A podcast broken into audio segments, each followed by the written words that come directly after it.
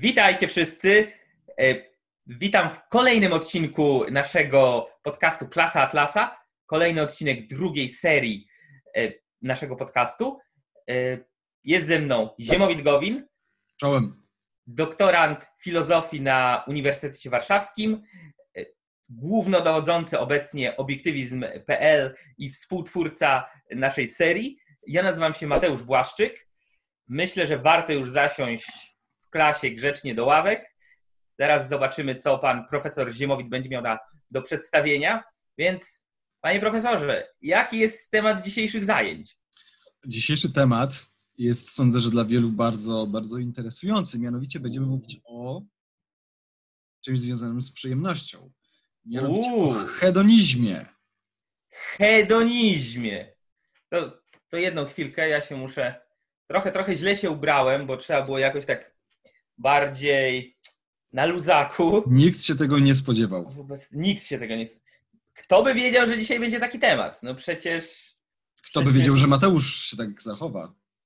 Kto by wiedział, że Mateusz się tak zachowa? Myślę, że ci co, ci, co mieli okazję mnie poznać, to, to mogli to przewidzieć, ale... Ale hedon... Uuu... Czyli wreszcie coś lajtowego, miłego i, i chyba dobrego, nie? I chyba no, dobrego. Tak się wydaje, no przyjemność jest dobra, więc. Zaraz po, zaraz po odcinku mam zamiar skonsumować tę oto piękną szarlotkę. Nie będę tego robił na wizji, żeby was nie obrzydzić. Jakby co, z jednej strony za mną y, stoi e, koniak, z drugiej strony za mną stoi szkocka, a tu jeszcze mam, proszę bardzo, piękny likierek, więc myślę, że tym optymistycznym akcentem tym razem nie zakończymy, a zaczynamy. E, czym jest, czym jest hedonizm? Co z tym hedonizmem, panie profesorze? No, więc generalnie czym jest hedonizm tak ogólnie rozumiany, rozumiany filozoficznie? To generalnie pogląd, który mówi, że, że przyjemność, ale przyjemność w rozumieniu raczej takim, e, ale jakiejś rozkoszy. E, oczywiście wiemy, że przyjemności mogą być różne. Niemniej hedonizm e, sprowadza się do stwierdzenia, że e, przyjemność jest e, najwyższym dobrem, jaki możemy mieć, być może nawet jest jedynym dobrem. Jest także celem życia człowieka. No i też, jako że jest to cel, jako że jest to jedyne dobro, to właśnie przyjemność powinna stanowić główny motyw naszego działania. Więc generalnie, co jest dobre? Co jest standardem tego, co dobre na gruncie e, hedonizmu, e, mianowicie to, co jest przyjemne. Jeżeli x jest przyjemne, to x jest dobre. Jeżeli x nie jest przyjemne, to x nie jest dobre lub jest, e, lub jest złe, w zależności od tego, jak bardzo oddala nas od przyjemności. No i teraz to jest takie bardzo, bardzo, bardzo ogólne wprowadzenie. No i wydaje się to dość płytkie, wydaje się to dość takie, jak taka filozofia niejako z podwórka, filozofia spod budki z piwem. Um, natomiast no nie jest to stanowisko, które w filozofii jest rzadkie. Nie jest to stanowisko, e, które, któremu brakuje zwolenników. E, I zdziwicie się, bo hedonizm nie powstał wraz z Bentanem e, i wraz z Johnem Stuartem Millem i utylitaryści... Ani z Markizem Desadem. Ani z Markizem Desadem. On powstał o wiele wcześniej, więc cofniemy się o ponad 2000 lat i przez tę wędrówkę przeprowadzi nas Mateusz, aż do Cyreny, prawda? Tak, aż do Cyreny, a później aż do Aten. E, cofnijmy się prawie 2,5 tysiąca lat temu e, do V wieku przed Chrystusem, Mieliśmy tam w drugiej połowie V wieku bardzo aktywnie działającego tego oto pana, e, pana, e, który straszył swoją brzydotą, ale e, intrygował swoim intelektem, czyli pana Sokratesa. I Sokrates miał w pewnym sensie szczęście, w pewnym sensie pecha ze względu na swoich uczniów. Miał szczęście pod tym względem, że jego uczniowie rozsławili go tak, że wiemy o nim do dzisiaj, a nawet o jego kłótliwej żonie Ksantypie która wylewała mu pomyje, wiadro pomyj na głowę. E, więc Platon, e, Ksenofont i tak dalej, i tak dalej sprawili, że do dzisiaj wiemy o tym filozofią, który nawet robi pewną cezurę w dziejach filozofii, no nie, bo są filozofowie przedsokratejscy, przedsokratycy, Sokrates i, i w przód. Natomiast z drugiej strony jego uczniowie wzięli jego nauczania w bardzo dziwne rejony, takie dokładnie przeciwne, bo Platon wziął jego nauczanie, jak myślę, duża część wie, w rejony bardzo e, górnolotnego świata idei, rozdźwięku pomiędzy tym, co niskie i przyziemne, e, tym światem tu i teraz naszego ludzkiego życia, a światem niezmiennych, idealnych form, tym niebem platońskim. Ale z drugiej strony jego tacy uczniowie jak e, Arystyp, o którym za chwilkę będę właśnie mówił, wzięli jego nauczanie w nieco inne rejony, dużo mniej podniebne. E, I faktycznie e, hedonizm to nie jest tylko taka domena takich e, leni i takich, takich wygodnickich ludzi, dekadentów, sybarytów i takich, takich jolo studenciaków. Nie, Arystyp był całkiem poważnym filozofem, który uczył się zarówno u Sokratesa, jak i u e, niektórych sofistów, między innymi e, przy, poznał sporą część poglądów Protagorasa, takiego sofisty z V wieku. Jego naczelnym hasłem było jedynym dobrem jest przyjemność, jedynym złem przykrość.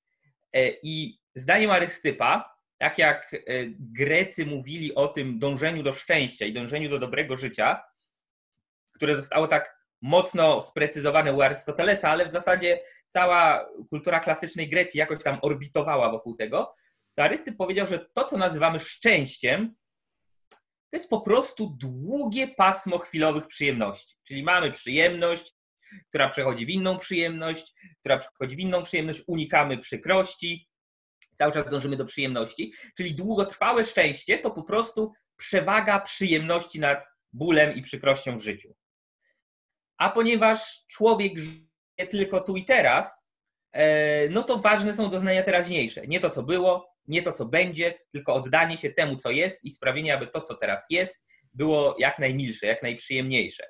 E, I zdaniem Arystypa tak naprawdę przyjemności różnią się intensywnością, czyli tym, jak mocno na nas oddziałują, jak wiele nam dają tej rozkoszy, a nie jakością czyli nie ma lepszych i gorszych przyjemności, tylko te, które e, mniej lub bardziej oddziałują na zmysły i mniej lub bardziej dają nam rozkosz. Tak? Nie, u Arystypa nie ma podziałów na lepsze, powiedzmy, intelektualne rozkosze i gorsze, e, i gorsze rozkosze cielesne. I zresztą Arystyp w swoim życiu jak najbardziej też to e, pokazywał, jak kiedyś razem z uczniem poszedł do domu publicznego i uczeń bardzo się tym krępował, to on powiedział, chłopcze, nie jest wstydem tu wchodzić, co najwyżej nie umieć stąd wyjść. Albo kiedy, y, kiedy któryś z jego przyjaciół, powiedzmy, zaproponował mu, ja nie wiem, czy nie był tyran Syrakus, ale nie jestem pewien, Diogenes, e, zaproponował mu skorzystanie z usług trzech heter i powiedział, którą wybierasz z tych trzech, e, to Arystyp powiedział, no Parys stroi ciężko opłacił to, że wybrał jedną z trzech bogiń e, i wziął wszystkie trzy. Ale to, to, tak anegdotycznie. Czyli to troszeczkę jest tak, że dla Arystypa nie byłoby różnicy między przyjemnością, która wynikałaby z czytania książki lub słuchania naszego odcinka o e, hedonizmie, a na przykład braniu narkotyków e, czy, czy, czy piciu tak. alkoholu. Różnica byłaby tylko ilościowa, w intensywności, a nie jakościowa, czyli lepsze, czyli, gorsze. Czyli z tej perspektywy czytanie książki byłoby lepsze tylko wtedy, tylko wtedy, jeśli ta intensywność byłaby, byłaby większa niż na przykład, no nie wiem, wzięcie e, jakiejś emki albo czegoś.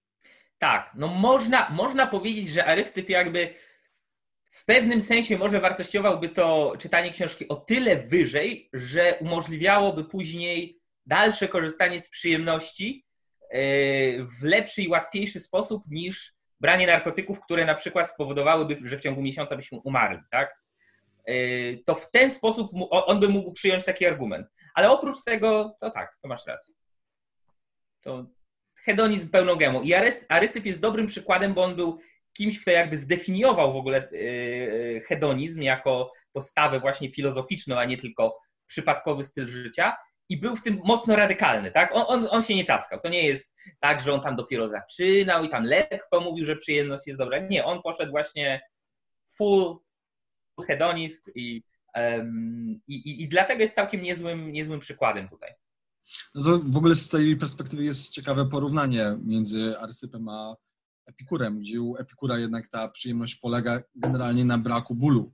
Czyli to, są, czyli to jest generalnie taki mało aktywny tryb życia. To nie jest branie narkotyków, wchodzenie do, do domów e, publicznych i tak dalej, tylko jest to bardziej życie, takie spokojne życie, w którym ten brak bólu, tak? bo dla, e, dla e, Epikura przyjemność wiązała się przede wszystkim z brakiem bólu, więc tu chodzi, więc tu chodzi o to, żeby żyć jak najspokojniej, żeby, e, no żeby po prostu troszeczkę, troszeczkę Epikur nie był w ciemię bity i on wiedział, że e, jeżeli będziemy się angażować w jakieś takie, e, no wydawałoby się bardzo przyjemne rzeczy, to to będzie miało swoje konsekwencje w postaci jakichś przykrości, w postaci wszelkiego rodzaju kaców moralnych i pozamoralnych. No to tutaj Arystyp na pewno robił to rozróżnienie, bo on wprost pisał, że przyjemność to nie jest tylko brak przykrości.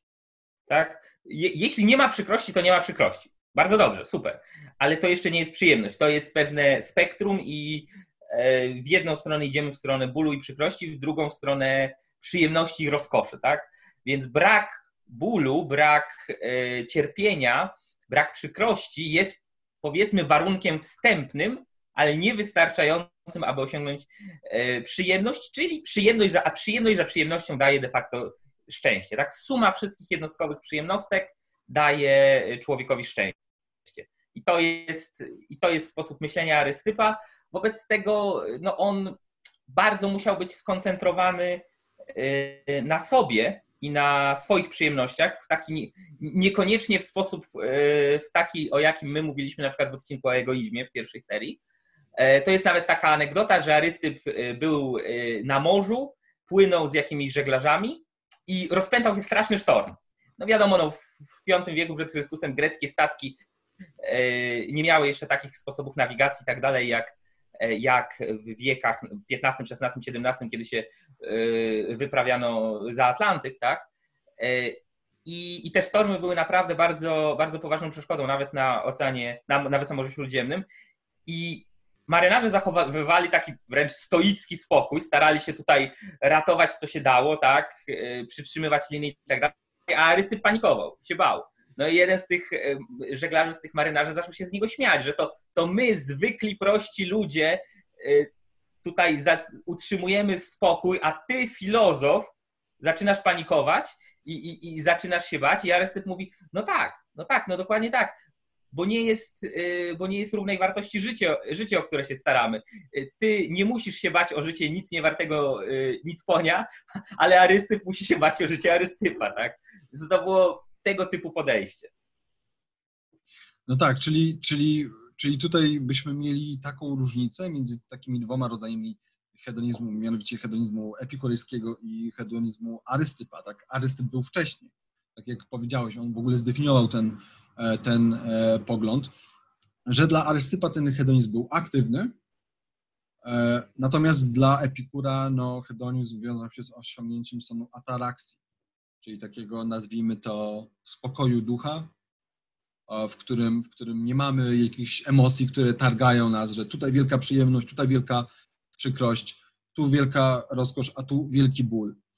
Więc, więc sądzę, że w ogóle samo to rozróżnienie jest, jest e, ciekawe, bo to pokazuje, że filozoficznie hedonizm nie musi oznaczać po prostu gonitwy za e, przyjemnościami bez oglądania się na e, konsekwencje. I to nie tylko u Epikura, ale tak jak powiedziałeś, to już u Arystypa, tak, że jednak mogę się zastanowić, czy, czy przypadkiem chodzenie na imprezy, podczas których zażywam narkotyki tydzień w tydzień, tak, no bo jak raz to zrobię, no to oczywiście raczej nic wielkiego się nie stanie, chyba że mam pecha albo złego dostawcę. Natomiast jeżeli będę to robił po prostu co, co tydzień przez, no nie wiem, przez miesiąc, dwa, rok, e, no to generalnie źle, źle e, skończę. I to też swoją drogą jest bardzo, bardzo ciekawe rozróżnienie między, to już widać różnicę między filozoficznym podejściem do hedonizmu, a takim podejściem, powiedzmy, jaki, jaki, jaki reprezentują niektórzy ludzie w swoim życiu. Ale dobra, wróćmy. Co jeszcze? Tak, myślę, że na razie starych panów z brodą możemy odstawić i przechodzimy Odstawiamy. No dobra, do teraz. więc słuchajcie, ten przede wszystkim e, hedonizm może się wydawać, e, że- może się wam wydawać, że hedonizm jest podobny do, do tego, co my tu wam przedstawialiśmy już, do etyki racjonalnego interesu własnego. E, No, w końcu, tak jak tłumaczyliśmy, naszym zdaniem celem człowieka jest jego własne szczęście. E, Co więcej, człowiek po, powinien być skupiony na sobie i działać ze względu na siebie. Więc to brzmi bardzo podobnie do tego, co Mateusz przedstawił, jeżeli chodzi o, o e, Arystypa. E, Epikur przecież to był tak naprawdę swego rodzaju egoizm. Natomiast, y, tak jak Wam chcemy dziś wyjaśnić, te różnice są pozorne. Te... Podobieństwa, podobieństwa. Przepraszam, tak, przepraszam. Różnice są faktyczne. Różnice są faktyczne. pozorne. Wyszło to, co tak naprawdę sądzę. Te podobieństwa są tak naprawdę e, pozorne.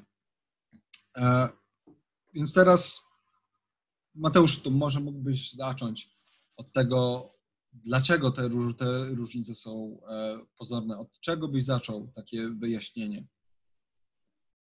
To znaczy tak, zacznijmy od samego fundamentu.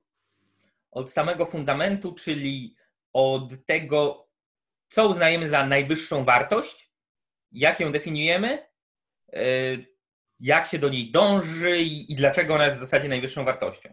Dobra, no to E. może, to, to może ja to powiem. Dzięki. Proszę. Więc naszym zdaniem najwyższą wartością jest życie człowieka. E, Każdego człowieka, dla każdego człowieka najwyższą wartością jest, powinno być jego własne e, życie, co wynika z tego, że e, życie jest źródłem wartości i że wartości mają sens i znaczenie tylko w kontekście życia, o czym mówiliśmy w naszym, w naszym bloku o wartościach. Oraz, że życie czyni wartości niezbędnymi. Jeszcze Tak, czyni je możliwymi i czyni je, i czyni je niezbędnymi, jeżeli chcemy żyć. Tutaj troszeczkę się odnosimy do naszego poprzedniego podcastu e, na temat gilotyny Huma.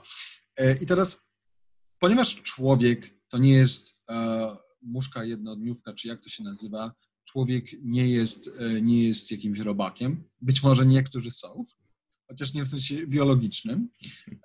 Człowiek nie może żyć z dnia na dzień. Co to oznacza? To, to oznacza, że dla człowieka wszelkie jego działania mają konsekwencje długofalowe. I żeby żyć dobrze, że- żeby żyć racjonalnie, żeby dążyć do e, szczęścia, bo tutaj pamiętajmy, że naszym zdaniem nie ma rozróżnienia między dążeniem do szczęścia, a dążeniem do rozwoju życia. To są ze sobą splecione rzeczy. I żeby- Szczęście i życie to dwie strony tej samej monety. Tak, i żeby dążyć do, do, tego, do tej drugiej strony, jaką jest szczęście, trzeba żyć racjonalnie, czyli podejmować te działania, które e, służą naszemu życiu jako całości.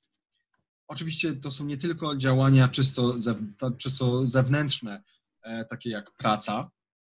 E, Oczywiście praca nie jest czysto zewnętrzna, ale chodzi mi, chodzi mi po prostu o to, że e, jest cała masa e, rzeczy związanych z naszą psychiką, naszą, z naszą e, duszą, nad którymi musimy po prostu pracować, więc też o tego typu działania mi e, chodzi. Te wszystkie działania z perspektywy długofalowej składają się na ten ostateczny cel, jakim jest szczęśliwe życie. Tutaj jest oczywiście istotne to, że to nie są tylko środki do celu, tylko to są, tylko to jest sposób, w jaki się żyje.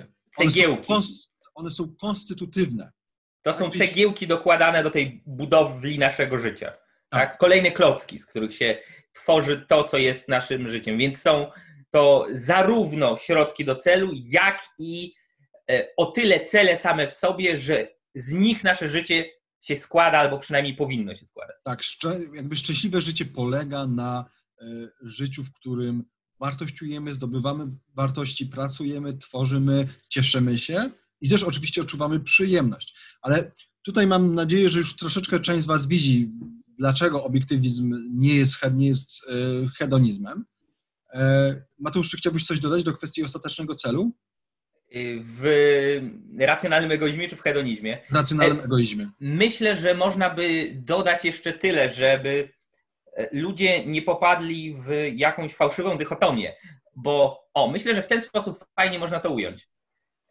jednym z błędów, który popełnia hedonizm, jest to, że traktuje chwilową przyjemność tu i teraz jako coś jednoznacznie dobrego, a sumę tych przyjemności w przeciągu życia jako cel i sens życia. Natomiast jest też drugie podejście, też widoczne w wielu różnych filozofiach, w wielu różnych postawach życiowych, które zakłada trochę odwrotnie, że całe życie człowiek ma cierpieć, poświęcać się i tak dalej, i szczęście jest nagrodą na samym końcu. Czy to nagrodą natury religijnej w niebie, czy to nagrodą po prostu, że człowiek spojrzy na swoje życie w ostatnich minutach i powie, no tak, no tak, tutaj się tyle wykrwawiałem, tyle ten, ale, ale, ale coś.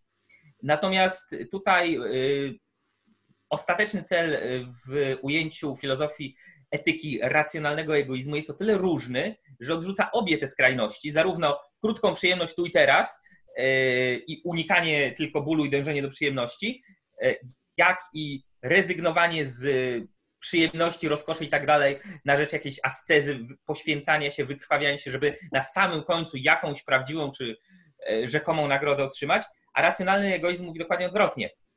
Elementy, yy, które wiodą cię do ostatecznego celu, którym jest twoje szczęście, są też kawałkami tego celu, czyli to jest, to jest szczęście jest pewnym całokształtem, pewnym procesem, który yy, idzie, robisz coś z jednej strony, owszem, dlatego, że jest to dobre dla Twojego życia, dlatego, e, że wiedzie Cię to do szczęścia, ale to nie jest tak, że przez cały moment tego robienia Ty masz zaciskać zęby i cierpieć i, i, i po 20 latach dojdziesz i będziesz szczęśliwy, tak? 20 lat będziesz się z czymś męczył i po 20 latach oczywiście nie chodzi o to, że my mówimy, że należy unikać wysiłku, czy że niektóre rzeczy przychodzą e, łatwo i prosto, a nie, a nie w sposób trudny, tylko o to, że samo dążenie już jest częścią tego całokształtu, jakim jest szczęśliwe życie człowieka. Więc liczy się zarówno ostateczny cel w perspektywie całego życia i, i, i w tej perspektywie, żeby pod koniec życia mógł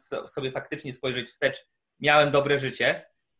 This is uh, what I live for, what I lived for, jak i, że segmenty tego życia, to co my robimy, y, te nasze codzienne zmagania, choćby i wymagające i trudne, również dawały nam poczucie spełnienia, szczęścia, satysfakcji i były tymi klockami, z których, z których buduje się tę całą e, budowlę. Więc ja bym to tak podsumował, że hedonizm patrzy na, tylko na te pojedyncze klocki i mówi, że to jest szczęście, a jaka konstrukcja z nich e, powstanie, ludzkie życie, ludzki charakter, czy się zawali, czy nie, to jest drugorzędne, ale klocek jest fajny i ładny. Natomiast to drugie, powiedzmy, nazwijmy to sobie E, ascetyczne i samopoświęcające podejście mówi, nieważne z jakich klocków będziemy budowali, czy będą krzywe, czy nie, czy będą nas e, uwierać, czy nie, ważne, żeby na samym końcu dojść do jakiejś tam finalnej, finalnego poziomu, tak? E, no tak który też... najczęściej jest, że są rzekome. No i też troszeczkę tutaj różnica jest taka, że hedonizm za bardzo się skupia na tym aspekcie, no właśnie czysto hedonicznym, czyli E, czyli takim po, powiedzmy quasi-fizjologicznym, nawet, nawet jeżeli tutaj postulują niektórzy e, przyjemności wyższego rzędu, takie jak przyjemności intelektualne, no to jednak to wszystko jest, wszystko to bardzo redukuje całą naszą emocjonalność, całą naszą psychikę, zwłaszcza emocjonalność. Dlatego też e, no, my nieraz, jak tłumaczyliśmy, czym jest szczęście, to mówiliśmy, że szczęście to jest stan niesprzecznej radości, a radość nie jest tylko przyjemnością. Radość to jest bardzo złożony proces emocjonalny i to jest proces, proces emoc, emocjonalny, który wynika też z naszej oceny e, nas samych, wartości, które, które zdobywamy, na, naszego życia, naszego podejścia do świata i tak dalej. Więc teraz przede wszystkim, czym jest, czym jest przyjemność? Przyjemność w rozumieniu rozkoszy to jest, tak jak Wydaje mi się, że już o tym mówiliśmy w kontekście emocji. E, tak jak mamy pewien mechanizm e, emocjonalny, tak mamy czysto fizjologiczny mechanizm przyjemność, ból. Tutaj mamy na myśli zwłaszcza tę przyjemność związaną z rozkoszą. I ten, i ten mechanizm jest to prawda podstawowym mechanizmem, który, który mamy i bardzo dobrze, że go mamy, ale sam ten mechanizm nie mówi nic on nie mówi nic e, ani na temat e, źródła przyjemności, którą odczuwamy, ani na temat tego, czym ta przyjemność jest. Nic, czyli nic nie mówi nam na temat natury tejże przyjemności. I przede wszystkim, co, co też jest niesamowicie kluczowe, jeśli nie najbardziej, nie mówi nam nic na temat skutków. Skutków działania, które wynikają z tej przyjemności, albo ewentualnie e, samej tej, e, samej tej e, przyjemności. Innymi słowy, tak, na, tak naprawdę opieranie się na samym tym mechanizmie, że coś akurat teraz sprawia mi przyjemność, pozostawia nas, kom, kompletnie zamyka nam tę perspektywę, o której już tu powiedzieliśmy, mianowicie perspektywę całego życia że człowiek, żeby, żeby żyć racjonalnie, dążyć do szczęścia, tworzyć niesprzeczną hierarchię wartości, e, musi podejmować działania ze względu na życie jako całość. Więc wszystko, co on robi, musi robić e, z perspektywy długofalowej. Długofalowej i w sensie fizjologicznym, czy czysto fizycznym, i w sensie psychologicznym. Czyli też z takiej perspektywy, ok, w jaki sposób zanurzanie się w jakiejś tam przyjemności, w jakiejś, przyjemno, jakiejś przyjemnej e, aktywności wpływa na mnie. I czy faktycznie zbliża mnie to do radości. Tak? Przyjemność i radość to są jednak dwie różne rzeczy i oczywiście one nie są ze sobą sprzeczne. I radość też wiąże się z jakąś e, przyjemnością, no ale jednak, ale jednak wiele przyjemności wyklucza radość. Zresztą to widać po e, ludziach, którzy generalnie nie czują się e, szczęśliwi i próbują jakkolwiek zapełnić swoje tak. życie, czego my oczywiście, co my krytykujemy intelektualnie, ale nie krytykujemy osobiście, to znaczy zdajemy sobie sprawę z tego, że wiele, że wiele osób ma po prostu problemy i często próbują z tymi problemami sobie radzić poprzez właśnie e, no, jakiś taki eskapizm e, czysto hedonistyczny. No i to Ale jest... to nie sprawia, że oni nagle są radośni, bo w ich życiu się nic nie zmienia. Oni wiedzą, że, że cały czas nie mają celu. Tak. No to jest ten, ten syndrom. Yy, po pierwsze, to w ten sposób to jest najprostsza droga do popadnięcia w nauk. Uzależnienie wszelkiego rodzaju, od uzależnienia od alkoholu, narkotyki, hazard, yy, chodzenie na panienki, cokolwiek. E, więc to jest jedna rzecz. A druga rzecz, no to jest ten syndrom takich właśnie, najczęściej się podaje jako przykład i myślę, że ma to swoje uzasadnienie, no, e, celebrytów, tak? Różne gwiazdeczki hollywoodzkie czy, czy, czy jakieś inne, e, które, zwłaszcza tych ludzi, którzy urodzili się już w rodzinie aktorskiej, drugie pokolenie powiedzmy znanych i bogatych aktorów, tak, synów i córki różnych tam gwiazd Hollywood, którzy de facto nie wiedzą, co ze swoim życiem robi, robić, no i popadają w tę spiralę e, hedonistycznych przyjemności, bo stwierdzają, że no może to jest fajne, to jest, może to im zapewni, zapewni w życiu radość, no i później kończą, a, a to na psychoterapiach, a to na e, lekach ciężkich, e, psychotropach, a to na w ośrodkach odwykowych i tak dalej, i tak dalej, i tak dalej. Bo ważną rzeczą jest tutaj, żeby pamiętać, że przyjemność to nie jest jakaś absolutnie nieredukowalna, niezrozumiała rozkosz, która się bierze znikąd. My nie mamy pojęcia, czym jest, dlaczego jest i tak i musimy ją przyjąć jako taką pierwotną daną. Tylko jak wszystko, przyjemność skądś pochodzi. Jak wszystko, przyjemność ma swoją przyczynę, coś jest tą przyczyną. I ma swoje skutki. I ma swoje skutki. I sama przyjemność jaka ta, jako taka, yy, dobra czy zła, na chwilę nawet abstrahujmy, yy, jeśli stanie się miarą i standardem dla człowieka, to tak naprawdę człowiek będzie zupełnie zagubiony. Yy, nie będzie wiedział, co może mu dalej zapewniać tę przyjemność, bo nawet nie spróbował zrozumieć tej natury. Ja mówię, abstrahując, czy to jest dobra, czy zła w tej chwili, bo nawet nie, nie wie, co jest prymarną przyczyną tej przyjemności i nie mówiąc oczywiście już o tym, czy ona będzie dla niego faktycznie dobra zwłaszcza w drugiej perspektywie czasowej, bo yy, uczucie przyjemności tutaj według hedonistów miałoby być właśnie teoretycznie rzekomo dane z góry, samo z siebie, niezależnie od przyjętych przez człowieka wartości czy wyznawanych idei. E, no i tu my, jak wiemy z odcinka naszego o emocjach, no nie jest to prawdą, tak? To nie jest tak, że e, z automatu treść naszych odpowiedzi jest niezależna od tego, co my wiemy i myślimy o sobie i świecie, jakie wartości wyznajemy.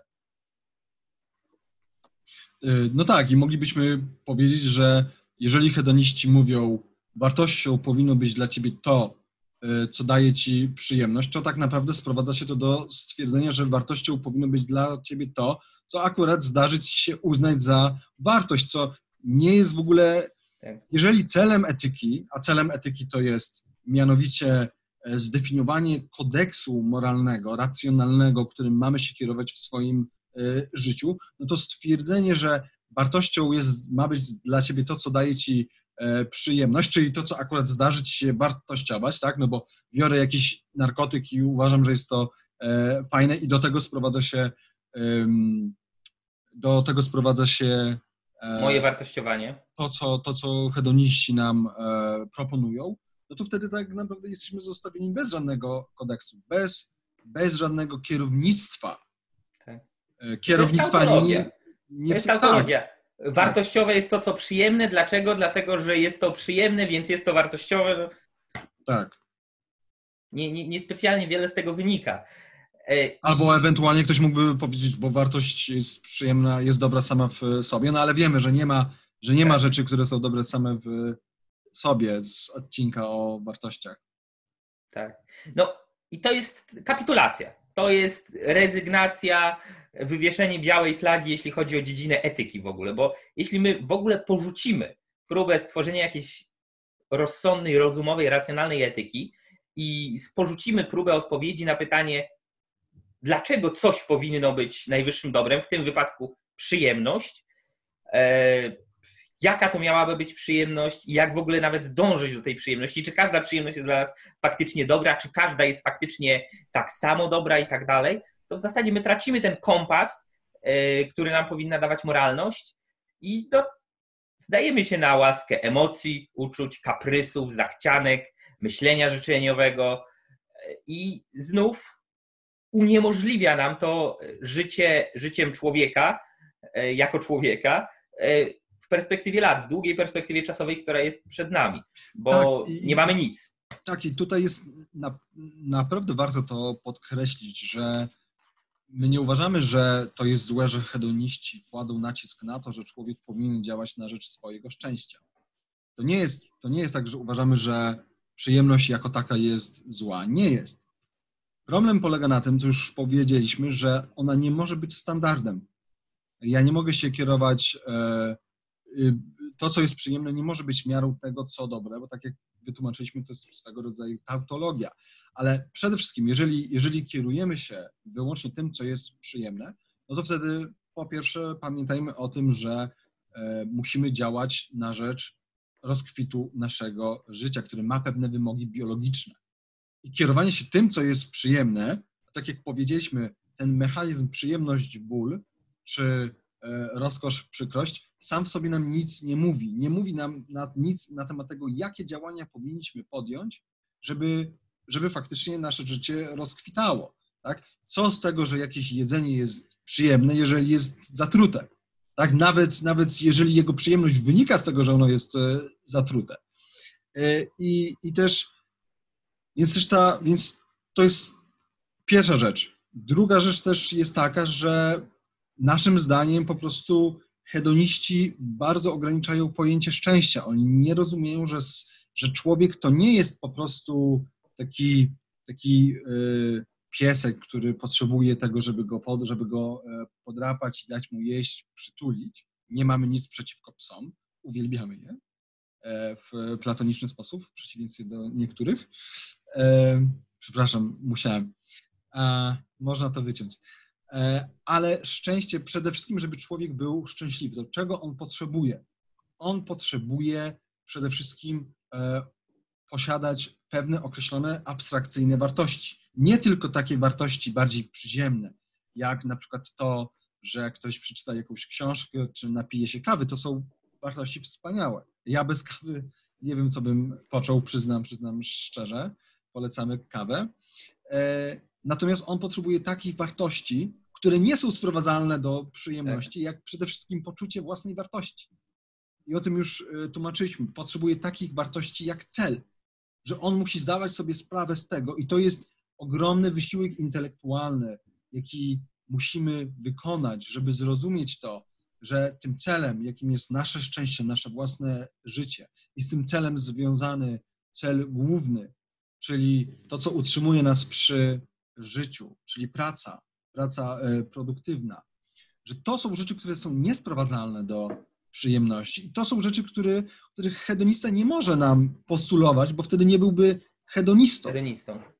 Więc, więc, więc, więc to nie jest tak, że, że już jak raz uznamy, już, już jak raz e, uznamy, że jedną z naszych głównych wartości jest poczucie własnej wartości, e, to że to nie jest przyjemne. Ale sam wysiłek, samo dążenie do tego, samo utrzymywanie tego, samo w sobie nie jest, nie jest przyjemnością. To jest, po, to jest po pierwsze pewien aktywny proces, pewien proces, zresztą tak jak każda wartość, zwłaszcza jeżeli chodzi o te, o te wartości abstrakcyjne, te długofalowe, e, które określają jakby całość naszego życia, to jest coś, e, nad co my pracujemy przez cały czas. Ale dobra, bo ja trochę... Bym, no. Ja bym zaraz przejdziemy dalej, tylko a propos tego pieska, o którym powiedziałeś, to myślę, że warto tutaj zauważyć, że jest to w pewnym sensie E, błąd w myśleniu o, o ludzkiej naturze i o ludzkim miejscu w świecie i niezauważenie pewnych e, rzeczywistych, faktycznych różnic między racjonalnym zwierzęciem, jakim jest człowiek, a pozostałymi zwierzę, zwierzętami. E, najprostszy przykład, ja bym powiedział, najprostsze wyjaśnienie podałbym takie. Generalnie zwierzęta żyją w na tyle ograniczonej epistemologicznie rzeczywistości, tak, rzeczywistości postrzeżeniowej, że w dużej mierze, też nie zawsze, też nie zawsze, ale w dużej mierze w stanie naturalnym one faktycznie mogą się kierować przyjemnością i bólem, e, zakładając, że e, przyjemność będzie tym, co e, dla nich dobre, ponieważ faktycznie w naturze, powiedzmy, nie wiem, królik w lesie, czy wilk, czy lew na sawannie, czy antylopa, to, co będzie mu, tym, temu zwierzęciu sprawiało ból, jest dla niego najprawdopodobniej złe, bo są to kły drapieżnika, albo choroba, albo coś. To, co będzie przyjemne, najprawdopodobniej jego organizm mu mówi, że tak, to jest trawka, którą masz zjeść. To jest y, antylopa, która jest smaczna, tak? A na przykład tamta, tamto mięso jest powiedzmy zgniłe, on, zwierzę to czuje i nie zje, tak? I to wie. I ma bardzo y, ograniczony pod tym względem możliwość wyboru jakiegokolwiek. Ale kiedy weźmiemy te same zwierzęta, weźmy na przykład szczury laboratoryjne, szczury, które są wyjęte z naturalnego środowiska i wstawione w laboratorium, i są przeprowadzane eksperymenty na szczurach, gdzie właśnie na przykład pobudza się im receptory przyjemności. Albo daje im się tam coś y, skapującego do picia czy jedzenia, a szczury wcale nie są takie głupie jak te zwierzęta, przypomnijmy. Y, co jest bardzo słodziutkie, bardzo smaczne, ale dla nich bardzo niezdrowe. One nie potrafią tego odróżnić. One do tego idą i, i, i, chcą, i chcą, żeby te ich receptory przyjemności były pobudzone. Chcą, żeby to słodziutkie coś im kapało i tak dalej, nawet jeśli to je zabije w przeciągu dnia czy dwóch. Więc widać, że jeśli nawet zwierzęta wyjęte ze swojego naturalnego środowiska, y, można powiedzmy oszukać ich mechanizm przyjemności i bólu i za pomocą sprawiania im przyjemności tak naprawdę niszczyć je i powodować im w, długo, w długiej perspektywie czasowej cierpienie i w końcu śmierć, no to co dopiero człowiek? Co dopiero człowiek, który sam tworzy swoje wartości, może je stworzyć e, zgodnie z takim kodeksem wartości, jakie sobie przyjmie i mogą być one dobre, złe, tworzą, wspierające życie albo destrukcyjne. E, I, I tu dopiero, kiedy człowiek ma całą kompleksową e, jednostkę, całą kompleksową swoją istotę, którą jest, czyli, przyjemne, czyli potrzeby fizyczne, intelektualne, emocjonalne, społeczne, duchowe, tak, jak potrzeba sztuki na przykład i tak dalej, to, to tu dopiero można zobaczyć, jak łatwo mechanizm przyjemności e, i przykrości, czy przyjemności i bólu, rozkoszy i bólu może nas w błąd. Po prostu. Jeśli nawet ze szczurami można to zrobić, a zwierzęta, jak, tak jak wspomniałem, mają dużo prościej, u nich dużo bardziej ten mechanizm przyjemność, ból mówi dobro-zło dla nich. E, u człowieka nie. No to jeśli da się zwierzę oszukać, jak tego szczura laboratoryjnego, to, to co dopiero nas samych? No to tak tylko a propos tej różnicy, tak, że w dużej mierze hedoniści chcieliby nas traktować jako takie trochę mądrzejsze zwierzęta. I, I że generalnie tak jak dla pieska jest dobre, żeby go podrapać i to mu wystarcza, to dla człowieka jest dobre, żeby zażywać jakichś rozkoszy. No tylko, że problem jest w tym, że w świecie to nie jest prawda. To ja bym proponował teraz może zrobić takie krótkie podsumowanie różnic między hedonizmem i racjonalnym interesem własnym, tak? Trochę już o tym mówiliśmy, ale żeby to tak skondensować w paru punktach, czym jest jedno, czym jest drugie i dlatego, dlaczego nie są tożsame. Okej, okay, no to może zacznijmy, zacznijmy od tego, że cel jest zupełnie inny, to znaczy na, na gruncie obiektywizmu, na gruncie etyki racjonalnego ego, egoizmu celem człowieka jest rozkwitanie. Przez rozkwitanie rozumiemy zarówno aspekt związany z rozwijaniem życia, takim biologicznym, e, ale też psychologicznym. I naszym zdaniem zdobywanie wartości, nie zanurzanie się w przyjemności, ale zdobywanie e, wartości, osiąganie ich, zachowywanie i tak dalej, e, zakładając, że mamy racjonalną hierarchię wartości. Jakby tutaj widzimy, że obiektywizm jest o wiele bardziej wymagający, no, co wynika troszeczkę z naszej natury, tak? No, my nie jesteśmy szczurami, stety lub niestety, więc mamy bardziej skomplikowane potrzeby. I, I z tego względu, i z tego względu e, to właśnie z osiągania tych wartości wynika szczęście. Szczęście, ale jeszcze raz, szczęście nie rozumiane jako jeden stan, jako ta osobna cegiełka, na którą, znaczy nie, właściwie nie cegiełka, tylko jako zbiór randomowych zupełnie e, przyjemności, tylko jako cały aktywny proces. To znaczy, celem człowieka jest aktywne życie, aktywne, szczęśliwe życie. Więc to, więc to jest ta pierwsza e, różnica, bo dla hedonistów celem jest co? Celem jest po prostu zdobywanie jak najwięcej e, przyjemności i unikanie jak największej, jak największej liczby nieprzyjemnych czy bolesnych momentu. Więc to jest pierwsza taka różnica. Ty możesz podać jakąś drugą. E, co za tym idzie, e, różnica w celu, ale też różnica w standardzie, w mierze tego, jak oceniamy, czy zmierzamy ku temu celowi, czy nie. Hedonizm zakłada, że to przyjemność jest standardem dobra i zła, mm, natomiast racjonalny egoizm zakłada konieczność istnienia jakiegoś odrębnego od samego celu, odrębnego od samego szczęścia jako czegoś, do czego dążymy, racjonalnego, poznawalnego rozumowo standardu wartości. E, tutaj w racjonalnym e, egoizmie najwyższą miarą, najwyższym standardem jest ludzkie życie, rozumiane jako całokształt we wszystkich aspektach, czyli intelektualnym, emocjonalnym i tak dalej, tak jak wymieniałem. I generalnie po prostu w największym skrócie to, co służy życiu istoty rozumnej jest dobre, to, co mu szkodzi, to, co krzywdzi to życie, jest złe. I nie każda przy, y, fizyczna przyjemność musi być dobra, chociażby te wspomniane narkotyki, a nie każdy odczuwany ból, to tak ważne, musi być zły. Czasami nas boli, ale na przykład dlatego, że przyjmujemy zastrzyk z lekarstwem, które ratuje nam życie. Czasami nas boli, ale na przykład dlatego, że y, bardzo intensywnie ćwiczyliśmy i trenowaliśmy. No pain, no gain. Mniej więcej, tak. I bolą nas mięśnie, tak? No, mamy zakwasy, nie może, ledwie się możemy ruszyć. Ale jeśli zaczynamy, na, jeśli na przykład zaczynamy trenować jakiś sport albo jakiekolwiek ćwiczenia, no to przez pierwsze dni czy tygodnie faktycznie może nas to rzeczywiście fizycznie boleć, ale w długiej perspektywie czasowej, jeśli będziemy sensownie rozćwiczyć, to ten ból prze, przekuje się e, w zwiększenie masy mięśniowej, poprawienie sylwetki e, i przede wszystkim poprawienie zdrowia, tak? E, więc to jest, myślę, rzecz, plus to, że tak jak już wspomnieliśmy, hedonizm uznaje przyjemność za nieredukowalny fakt pierwszy, coś, z czego się nie da już rozbić na mniejsze jednostki, a racjonalny egoizm uznaje, że przyjemność, racjonalna przyjemność, która służy życiu, jest zasadna i właściwa dla człowieka, jest wynikiem, skutkiem, nie jakimś nieredukowalnym faktem, jest wynikiem, skutkiem właściwego, racjonalnego postępowania i w tym sensie można ją uznać za nagrodę dla człowieka. Czyli to nie jest coś, w czym się pławimy, ponieważ z automatu, z jakiegoś powodu miałoby to być dla nas dobre, tylko przyjemność jest czymś, co jest skutkiem tego, że E, żyjemy właściwego kodeksu moralnego, że praktykujemy pewne cnoty, osiągamy pewne wartości yy, i tak dalej, i tak dalej. Zdobywamy to, co jest nam potrzebne do życia i rozkwitu.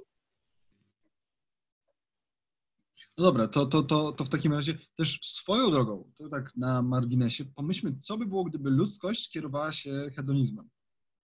Znaczy, gdyby ludzkość kierowała się hedonizmem, to w ogóle nie mielibyśmy praktycznie niczego, bo żeby coś zbudować, żeby coś stworzyć, żeby coś odkryć, trzeba wykonać ogromny wysiłek intelektualny, trzeba się uczyć, e, no, trzeba pracować i tak dalej. Więc tak naprawdę, gdyby ludzkość od początku była czysto hedonistyczna, gdyby nie zwracała uwagi na to, że musi tworzyć narzędzia, musi tworzyć wiedzę po to, żeby przetrwać, po to, żeby rozwijać swoje życie, ulepszać je, to tak naprawdę do dzisiaj bylibyśmy prawdopodobnie dzikusami, które by siedziały sobie w jaskini i oddawały się wyłącznie rozkoszom cielesnym. Albo co bardziej prawdopodobne, w ogóle by nas nie było, bo by nas zżarły nas... tygrysy szablozębne i tak dalej. Tak. E, no więc, no więc, więc, więc ale to tak, to tak tylko na, tak tylko na e, marginesie. Tak, ale, ale ja myślę, że to jest e, dobra uwaga o tyle, że z perspektywy społecznej bardzo często się mówi w różnych kontekstach, ale często w sposób, myślę, uzasadniony o społeczeństwach, czy kulturach, czy wręcz całych cywilizacjach, które popadły w dekadencję, tak? I dlatego się mówi o tym tak zwanym niebezpieczeństwie nadmiernego dobrobytu. Przy czym my w żaden, żadną miarą nie mówimy i się nie, nie zgadzamy, bo są tacy faktycznie myśliciele, którzy by tak stwierdzili, że sam dobrobyt jest czymś złym, że samo bogactwo jest czymś złym, że samo prosperity, e, rozwój gospodarczy czy cokolwiek takiego, e, wzbogacanie się społeczeństwa, wychodzenie z ubóstwa jest w jakimkolwiek sposób złe. Nie, to są świetne rzeczy, które mogą wspierać ludzkie życie, ale e, wzrost bogactwa, zwłaszcza wzrost bogactwa, który jest wynikiem ciężkiej pracy i produktywności względnie wąskiej grupy społeczeństwa, a który rozlewa się na całe społeczeństwo, bez podbudowy filozoficznej, bez podbudowy ideowej, bez pewnych wartości, kodeksu e, moralnego, którym to społeczeństwo żyje i kieruje i który jest właściwy, to społeczeństwo faktycznie może popaść w dekadencję i zapomnieć nawet o przyczynach tego, skąd wzięło się to ich bogactwo. Bo oni będą się tak bardzo skupić na konsumowaniu tego bogactwa, na korzystaniu z niego, że zapomną, co je tak naprawdę tworzy. I no, nie będziemy bawić w wymienianie przykładów historycznych, ale takich przykładów trochę jest. E, a druga jeszcze rzecz jest, że e, hedonizm nie jest w tym sensie filozofią, która może być e, uniwersalnie praktykowana. Znaczy, hedonista jest w pewnym sensie z założenia pasożytem. On potrzebuje innych ludzi, którzy będą mu dostarczać przyjemności jest od nich uzależniony, czyli e, hedonizm musi z założenia dzielić społeczeństwo, dzielić ludzi na klasę tych hedonistów, którzy sobie korzystają z przyjemności i klasę tych no, niewolników de facto, jakichś twórców, producentów, którzy będą tworzyć te przyjemności dla tychże hedonistów. Więc racjonalny egoizm może być praktykowany powszechnie. Gdyby dzisiaj wszyscy ludzie zaczęli żyć zgodnie z etyką racjonalnego egoizmu, nie doprowadziłoby to do powstania jakiejś klasy twórców i klasy pasożytów. Natomiast w przypadku hedonizmu, gdyby wszyscy ludzie zaczęli być hedonistami teraz, hop, to ludzkość wymiera w ciągu jednego pokolenia. Gdyby wszyscy teraz zostali obiektywistami hop, to nazajutrz Mars byłby skolonizowany. A swoją drogą, to nie wiem, czy Mateusz wiesz, e, to co powiedziałeś na temat hedonizmu i tego, że hedoniści de facto stają się pasożytami względem innych, e, to, jest, to był poniekąd jeden z zarzutów wobec Epikura, że tak naprawdę, że epikureizm, że ta etyka jest bardzo taka elitarna, czy elitystyczna, mhm. e, czy elistyczna? Etylistyczna. Elita, elitarna albo elitarystyczna. Elitarystyczna, tak? E, elityst, dlatego mi się myli. E, właśnie dlatego, no, że żeby móc tak sobie spokojnie w ogrodzie, gdzieś tam na przedmieściach Aten czy innego e, polis żyć, no to jednak trzeba raczej być wysoko urodzonym i mieć już wcześniej pieniądze. No, to zresztą wiemy, że no, niestety wielu greckich filozofów nie dostrzegało wartości pracy. Nawet, tak. nawet dla Arystotelesa to w ogóle nie było. Y tak, no, no to, tutaj, to tutaj tylko dodam, jakby ktoś był zainteresowany, że faktycznie większość, bardzo wielu, jeśli nie większość y, greckich filozofów nie dostrzegało ani potrzeby, ani wartości zwykłej, produktywnej pracy tworzącej jakieś wartości, zwłaszcza wartości materialne, zwłaszcza pieniążki i tak dalej, to było coś, czym e, no, najlepiej było mieć kawałek ziemi, mieć na, na, na tym kawałku ziemi ludzi, którzy będą ci tę ziemię uprawiać i ty żyjesz z owoców. Czytaj niewolników. Tak, najczęściej. E, I ty żyjesz z owoców tej pracy, a, a ty sobie możesz filozofować czy cokolwiek. E, więc tak myślał Platon, zdecydowanie, w dużej mierze niestety właśnie tak myślał Arystoteles. Natomiast o, o tyle zaskakujące, że Sokrates niekoniecznie tak myślał i Sokrates akurat jest sporo potwierdzeń, no wiadomo, Sokrates niczego nie pisał, ale w, wśród tych opisujących żywot Sokratesa y, i w późniejszych źródłach jest wiele y, przypadków, kiedy Sokrates wręcz zachęcał do, do prowadzenia y, jakiejś pracy, do tego, żeby nie leżeć i nie gnuśnieć. Na ile sam Sokrates pracował, to ciężko powiedzieć, bo być może Ksantypa na niego się wkurzała, zwłaszcza dlatego, że nie zarabiał, ale Sokrates był bardzo produktywnym człowiekiem pod tym względem, że na przykład w wieku ponad 70 lat zaczął się uczyć grać na lirze i się nauczył. Tak? I jakby dla niego był, no, i się z niego śmiali, tak? że jesteś staruszkiem, po co ty się tego.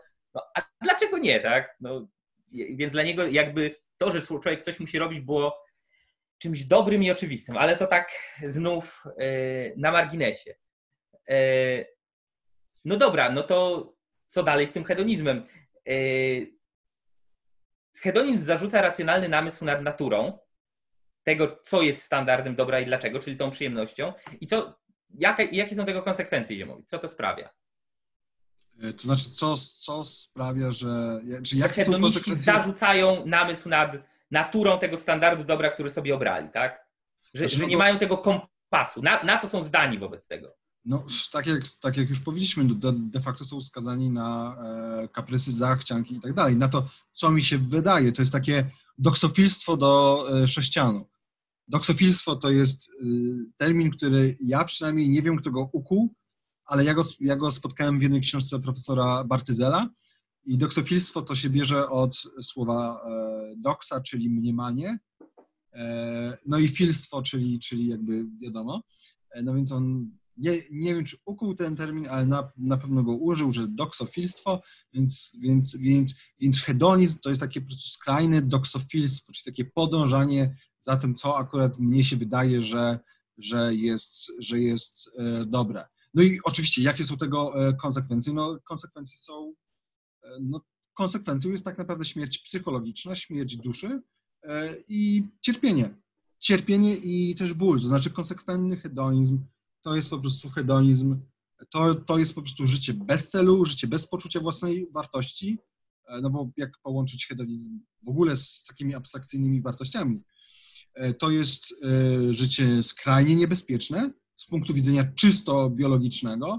Oczywiście my tutaj robimy to rozróżnienie na czysto biologiczne, czysto psychologiczne. Pamiętajmy, że człowiek jest jednością, jest zintegrowaną jednostką, ma umysł, ma ciało więc tak naprawdę no, na tym polega nasza biologia, że też mamy świadomość i mamy te wszystkie e, potrzeby, one nie wynikają z jakiegoś nieba ani z naszego widzimisię, tylko po prostu takiego rodzaju bytem jesteśmy.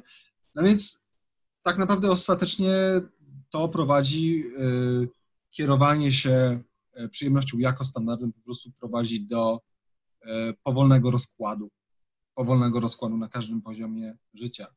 A racjonalny egoizm, odwrotnie, próbuje się zastanowić, Y, nad tym, dlaczego coś powinno być standardem życia i dlaczego akurat to, a nie co innego, dociec, co tak naprawdę służy człowiekowi w perspektywie całego jego życia, a nie tylko chwilowej satysfakcji. E, no i inaczej rozumie szczęście, tak? Hedonizm rozumie szczęście właśnie tak jak mówiliśmy, jako sumę tych częściowych przyjemności, e, a przyjemności to jest taki stan przelotny, krótkotrwały, czyli szczęście to jest po prostu połączenie wielu chwilowych przyjemnostek, a racjonalny egoizm rozumie szczęście jako długotrwały, kwitnący stan dobrze układającego się, dobrze rozwijającego się życia, w którym człowiek osiąga i zdobywa wybrane przez siebie wartości dzięki praktykowaniu właściwych cnót. E, I to pozwala mu trwać w tym, to co Ziemowit nazwał stanem bezsprzecznej radości. Niesprzecznej radości, bez konfliktów pomiędzy wartościami, jakie uznaje człowiek dla siebie za ważne. W hedonizmie ten konflikt jest nieustanny bo je, dążenie do jednej przyjemności może uniemożliwić albo utrudnić nam dążenie do innej, tak? która przyjdzie, dlaczego, tak? Czy iść tu, czy nie ma żadnego kryterium wyboru. tak? Tak, i tutaj też może też tak, żeby wam to trochę bardziej zobrazować. Dla tych, którzy przeczytali źródło, myślę, że sporo z naszych e, słuchaczy przeczytało. E, pomyślcie o Rorku. Rork, Howard Rork to jest przykład osoby, która, ponieważ ta idea ataraksji, e, która no, była nie tylko ważna dla Epikura, ale, ale, ale no, Epikur był hedonistą, więc, więc dlatego teraz o tym mówię, sama w sobie nie jest, nie jest zła, bo to jest jednak zwrócenie uwagi na, na istotę wewnętrznego spokoju. I tak naprawdę w obiektywizmie, kiedy mówimy o tym, że musimy mieć niesprzeczną hierarchię wartości, że nie może być konfliktu między naszymi przekonaniami a naszymi e, emocjami, kiedy mówimy, że, e, że musimy być zintegrowani, że, e, że musimy jakby zbudować ten charakter moralny, czyli, czyli musimy sprawić, żeby cnoty stały się naszą drugą naturą, to jest swego rodzaju, to prowadzi nas do swego rodzaju spokoju wewnętrznego, ale ten spokój wewnętrzny nie, nie oznacza, że my stajemy się pasywni, tak jak chciałby Epikur. Można o tym myśleć o Rorku jako takim, e, takim aktywnym, tak tutaj mamy spokój wewnętrzny, tak? on jest zintegrowany, nie ma sprzeczności w jego przekonaniach, w jego emocjach. E, więc mamy tę nazwijmy to atarakcję taką czysto psychologiczną, która jest związana z ciągłą aktywnością. Więc, e, więc, e, więc tutaj oczywiście atarakcja, e, oczywiście tutaj głównie skupiamy się na tym hedonizmie takim aktywnym, który jest stricte destrukcyjny, ten hedonizm epikurejski też jest zły i też jest tak naprawdę pasożytuje na pracy innych, jest, jest e, elitarystyczny, natomiast, natomiast sam ten element tego spokoju wewnętrznego jest na pewno ważny. Tylko problem polega na tym, że życie człowieka to jest pewna aktywność. I to nie chodzi o unikanie bólu, tak? Przyjemność e, czy szczęście, szczęście przede wszystkim nie jest tożsame z unikaniem lub brakiem bólu. Więc RORK to jest taka zintegrowana jednostka i wszyscy powinniśmy tacy być, tak ta moja zaciśnięta pięść to są... W rudzi, Rudzi. No? Rudzi. powinniśmy... Tak, wszyscy teraz przefarbowujemy włosy na... No, ja miałbym problem. Ale brody byś, byś, byś mógł. Słuchajcie, więc mamy tę integrację wewnętrzną, to jest naprawdę kluczowe. I ta integracja wewnętrzna, tak, ten RORK, jest cały czas aktywny. Jest cały czas aktywny. Warunkiem koniecznym jego szczęścia i szczęścia każdego człowieka, każdej jednostki jest ta integracja emocji, przekonań i tak dalej, ale związane z tym działania. Więc to nie jest, to, to jest warunek konieczny, ale niewystarczający. Tak? Szczęście to jest e, stan niesprzecznej radości, stan radości wynikający ze zdobywania, z osiągania własnych wartości. Osiąganie własnych wartości oznacza życie tymi wartościami, czyli aktywność. Więc to jest aktywność, więc to jest taka aktywna atarakcja, co brzmi oczywiście jak e, oksymoron, i w pewnym sensie nim, nim, nim jest, ale chciałem to powiedzieć. Przepraszam. Oko? Nie, bardzo mi się podobało to podsumowanie. Myślę, że myślę, że mogło wielu e, naszym e, widzom dać coś do zrozumienia, bo e, czasami jak się czyta powieści Ayn Rand i człowiek nie zna zaplecza filozoficznego tej autorki, to może uzasadnienie lub, lub mniej uzasadnienie popaść w jakieś no, błędne przekonanie. Na przykład komuś się może wydawać, że postawa Howarda Rorka jest postawą klasycznie stoicką, że on jest takim stoikiem, spoko i tak dalej. Natomiast no, niewiele rzeczy mogło być dalszych od prawdy, kiedy rozważymy e, filozofię stoicką i e, etykę racjonalnego egoizmu Ayn Rand, tak?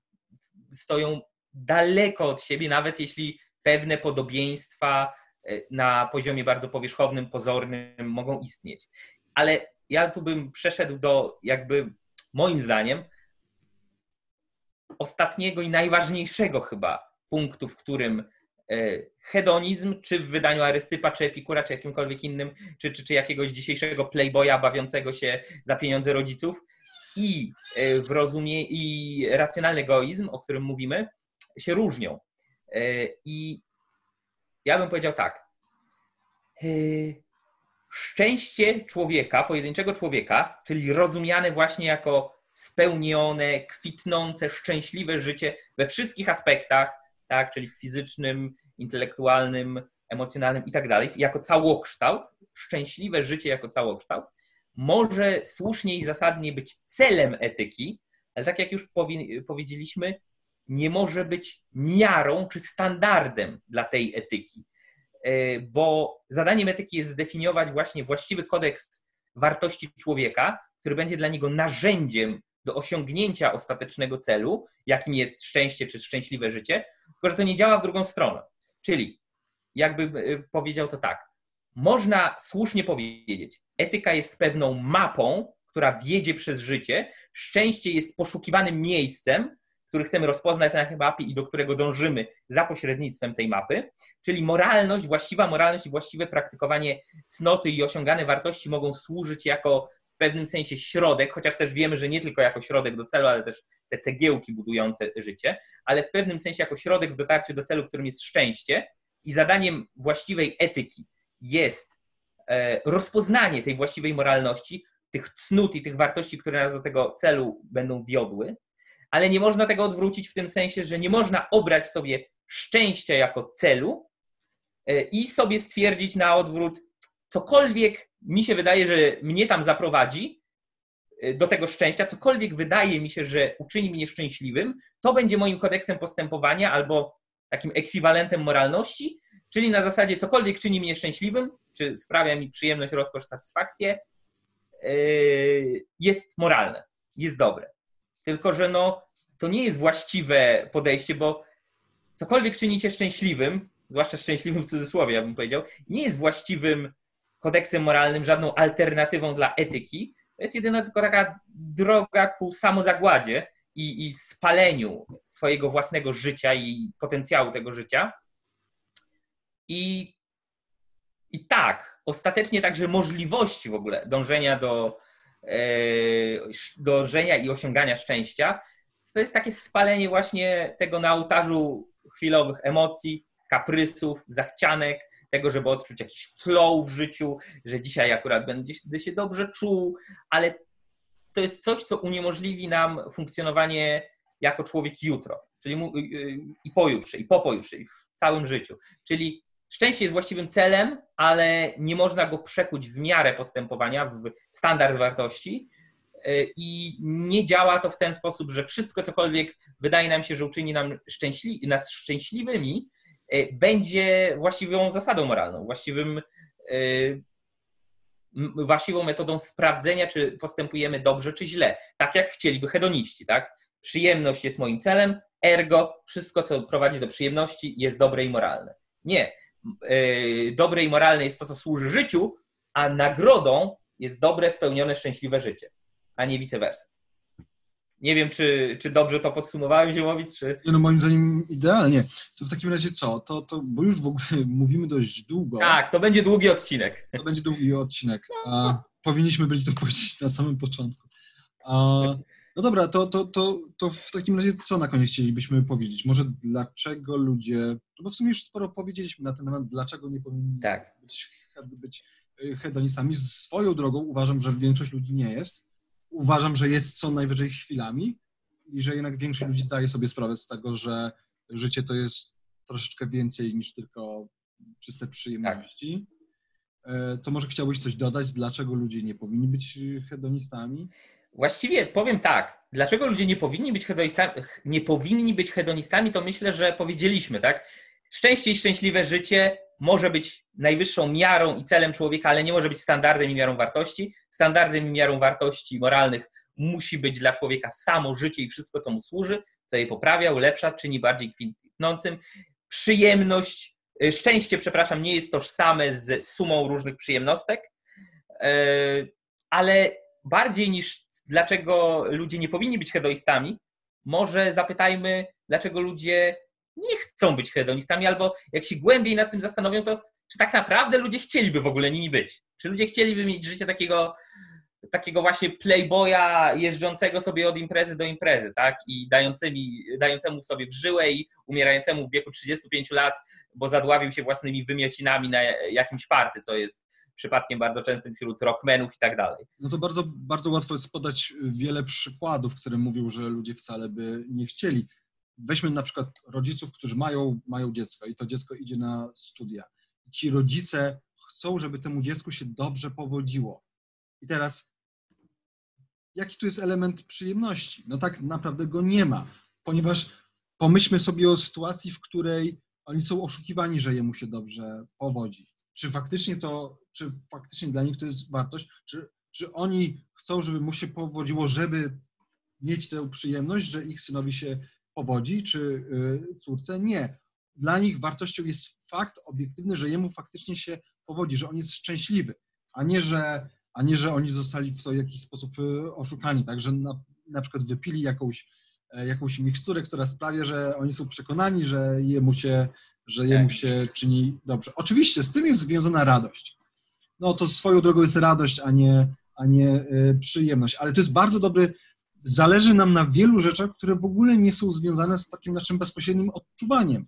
Tak. Zależy nam na naszych przyjaciołach, na naszych e, rodzinach, też na... A, no. a ci ludzie nie są przecież bezpośrednio połączeni z naszym systemem nerwowym, tak? Tak. Więc... Plus, plus jeszcze raz, gdybyśmy mieli wybrać, czy chcemy być oszukani i odczuwać przyjemność, e, bo nam się wydaje, że nasze e, pragnienia dotyczące nie nas samych, ale innych ludzi zostały spełnione. Gdybyśmy mieli wy, wy, wybrać to, a to, że no jednak wolimy wiedzieć, jaka jest prawda i czy faktycznie jest tak, jakbyśmy chcieli, żeby było, to każdy z nas by wybrał to drugie. Ponieważ tak. jeżeli ja mam pragnienie, żeby coś w świecie zaszło, jakiś fakt, to ja mam pragnienie tego faktu, a nie tego, że mnie się wydaje, że tak. ten fakt zaszedł. Co jest bardzo ciekawe i jakby e, zastanawiające, dlaczego ludzie często wiedzą to odnośnie do samych siebie, ale uważają, że nie jest to powszechną prawdą. W sensie, ja myślę, że większość ludzi by się zgodziła, że hedonizm jest błędną ideą, że wieczne uleganie swoim kaprysom zachcianką, pogoni za przyjemnością to jest coś złego, niemoralnego, destruktywnego dla nich, ale tak naprawdę ci sami ludzie cały czas by powiedzieli, że uleganie kaprysom, gonienie za przyjemnością to jest wielka pokusa, że jest to dla człowieka naturalne, czasami niemożliwe, żeby się oprzeć i tak jak ty powiedziałeś z tym, yy, czy jakiś fakt rzeczywiście istnieje i sprawia radość, czy my się samo oszukujemy. Większość osób, tak mi się wydaje, ryzykuje, ale, ale tak zakładam bez zrobienia badań statystycznych, powiedziałaby, że nie chce być oszukiwana. W sensie, że jeśli stało się coś złego, oni by chcieli wiedzieć. Nie, nie na zasadzie, że ktoś im mówi, że wszystko jest w porządku, kiedy nie jest w porządku. Ale z drugiej strony jest tak wiele przypadków. Weźmy sobie to dziecko, które poszło na studia. Załóżmy się sobie, że rodzice są bardzo dumni. Ojciec i matka ze swojego syna dostał się na świetne studia i tak dalej. Ale załóżmy, że po roku albo po dwóch latach wyleciał z tych studiów wyleciał i po prostu siedzi w tym mieście, gdzie studiuje na razie, ale na razie, nie wiem, pracuje na zmywaku albo szuka jakiejś pracy, bo może będzie próbował wrócić na te studia, może nie. I wie o tym na przykład matka. Tak? On, on zwierzył się, mamo, wyleciałem ze studiów. Ale mama mówi, ojej, no ja rozumiem, no zdarza się, no trudno, no może ci się uda w przyszłym roku tam wrócić, ale nie mów ojcu ale nie mów tacie, on jest z ciebie taki dumny i zadowolony, że ty jesteś na tych studiach. No to by, zezłościłby się, to by mu złamało serce, a on się tak tobą chwali przed wszystkimi znajomymi. Mów mu tylko, że wyleciałeś ze studiów. Więc ta matka sama nie chciałaby być oszukiwana. Ona się cieszy, że syn powiedział jej prawdę, wyleciał ze studiów i, i, powiedział jej, jakie ma plany, co zamierza teraz dalej zrobić, czy chce tam wracać, czy nie, czy zmienić studia, czy nie, czy w ogóle iść inną drogą życia. Ale własnego męża to już uważa, że no lepiej, żeby, żeby on nie wiedział, żeby mu nie było przykro. Tak?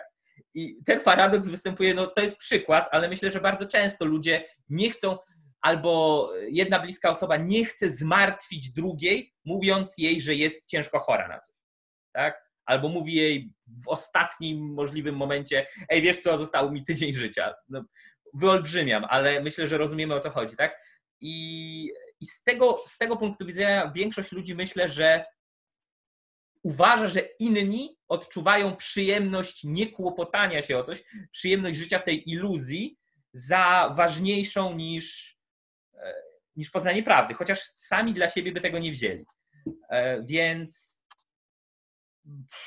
ja bym powiedział tak, że ludzie czują, że hedonizm jest zły i mają w głowie tę świadomość, że człowiek powinien zrobić y, coś, co jest dobre, tylko że traktują to jako obowiązek, o czym będziemy mówić w kolejnym odcinku, jako coś, co trzeba zrobić, a z drugiej strony jest ta właśnie sfera tego, co człowiek chciałby naprawdę zrobić, i to jest ta sfera niska, ta sfera właśnie swoich własnych rządzy, które trzeba powściągnąć, żeby robić to, co słuszne. Tak? To jest tak jak e, jeden z internetowych tych intellectual dark web przedstawicieli, czyli to był albo Dave Rubin, albo Ben Shapiro, mniejsza. Jak chcecie, to sobie możecie wygooglować. Y, zadał takie pytanie, kiedy była właśnie rozmowa o podążaniu za tym, czego człowiek tak naprawdę chce, za swoim własnym szczęściem. E, no tak, no ale jeśli ja mam żonę czy coś, no i nagle tu będzie jakaś piękna kobieta w barze i ona zacznie mnie uwodzić, no i ja bym chciał ulec tej pokusie, ale no jednak, żeby być dobrym człowiekiem, to ja tego nie robię, no to przecież postępuję moralnie, ale ale no to nie jest wedle jego własnego szczęścia. I tak można by się zastanowić, czy naprawdę ten człowiek wie, co mówi, w sensie, czy on naprawdę chciałby ulec tej kobiecie, zdradzić swoją żonę yy, i, i, tylko, i tylko poczucie obowiązku, czegoś narzuconego na niego z góry, powstrzymuje go przed tym. No, myślę, że przy głębszym przyjrzeniu się ja bym powiedział, że nie. Że yy, czy dorosły, dojrzały intelektualnie, emocjonalnie człowiek o uporządkowanej hierarchii wartości, racjonalnym kodeksie moralnym, mający w życiu jasny cel, praktykujący jakieś cnoty, dążący do perfekcji moralnej, faktycznie chciałby być hedonistą i, i ulegać swoim e, zachciankom, czy, czy to faktycznie byłby jego cel, czy nawet ktoś nie tak doskonały, tak? Ktoś taki jak, jak Ziemowic czy ja, tak? Nie, niedoskonały, niemoralnie perfekcyjny. E, no ale ktoś, kto ma pewne zasady, rozumie różnicę między dobrem i złem, chciałby stawać się bardziej dobry niż zły, który ma pewien szacunek do samego siebie, czy chciałby być hedonistą, czy naprawdę chciałby ulec tej pokusie i, i, i pójść się przespać z jakąś piękną, napotkaną kobietą, zdradzając swoją żonę, albo czy pracowity student marzący o zostaniu prawnikiem, yy, naprawdę za każdym razem musi się heroicznie wyrzekać ze względu na poczucie obowiązku, żeby nie iść na cotygodniową balangę e, i popijawę, żeby się przysiąść do nauki. Albo jak ktoś z nas zobaczy e, w autobusie, że pasażer tuż obok albo z naprzeciwka, że wystaje mu z tylnej kieszeni wypchany e, banknotami portfel, to czy my naprawdę heroicznym wysiłkiem woli powstrzymujemy się i załóżmy, że jest sytuacja, że nikt by tego na pewno nie zauważył, tak już abstrahując od wykrycia, ale naprawdę heroicznym wysiłkiem jest dla nas, żeby nie sięgnąć po ten portfel i go nie wyciągnąć.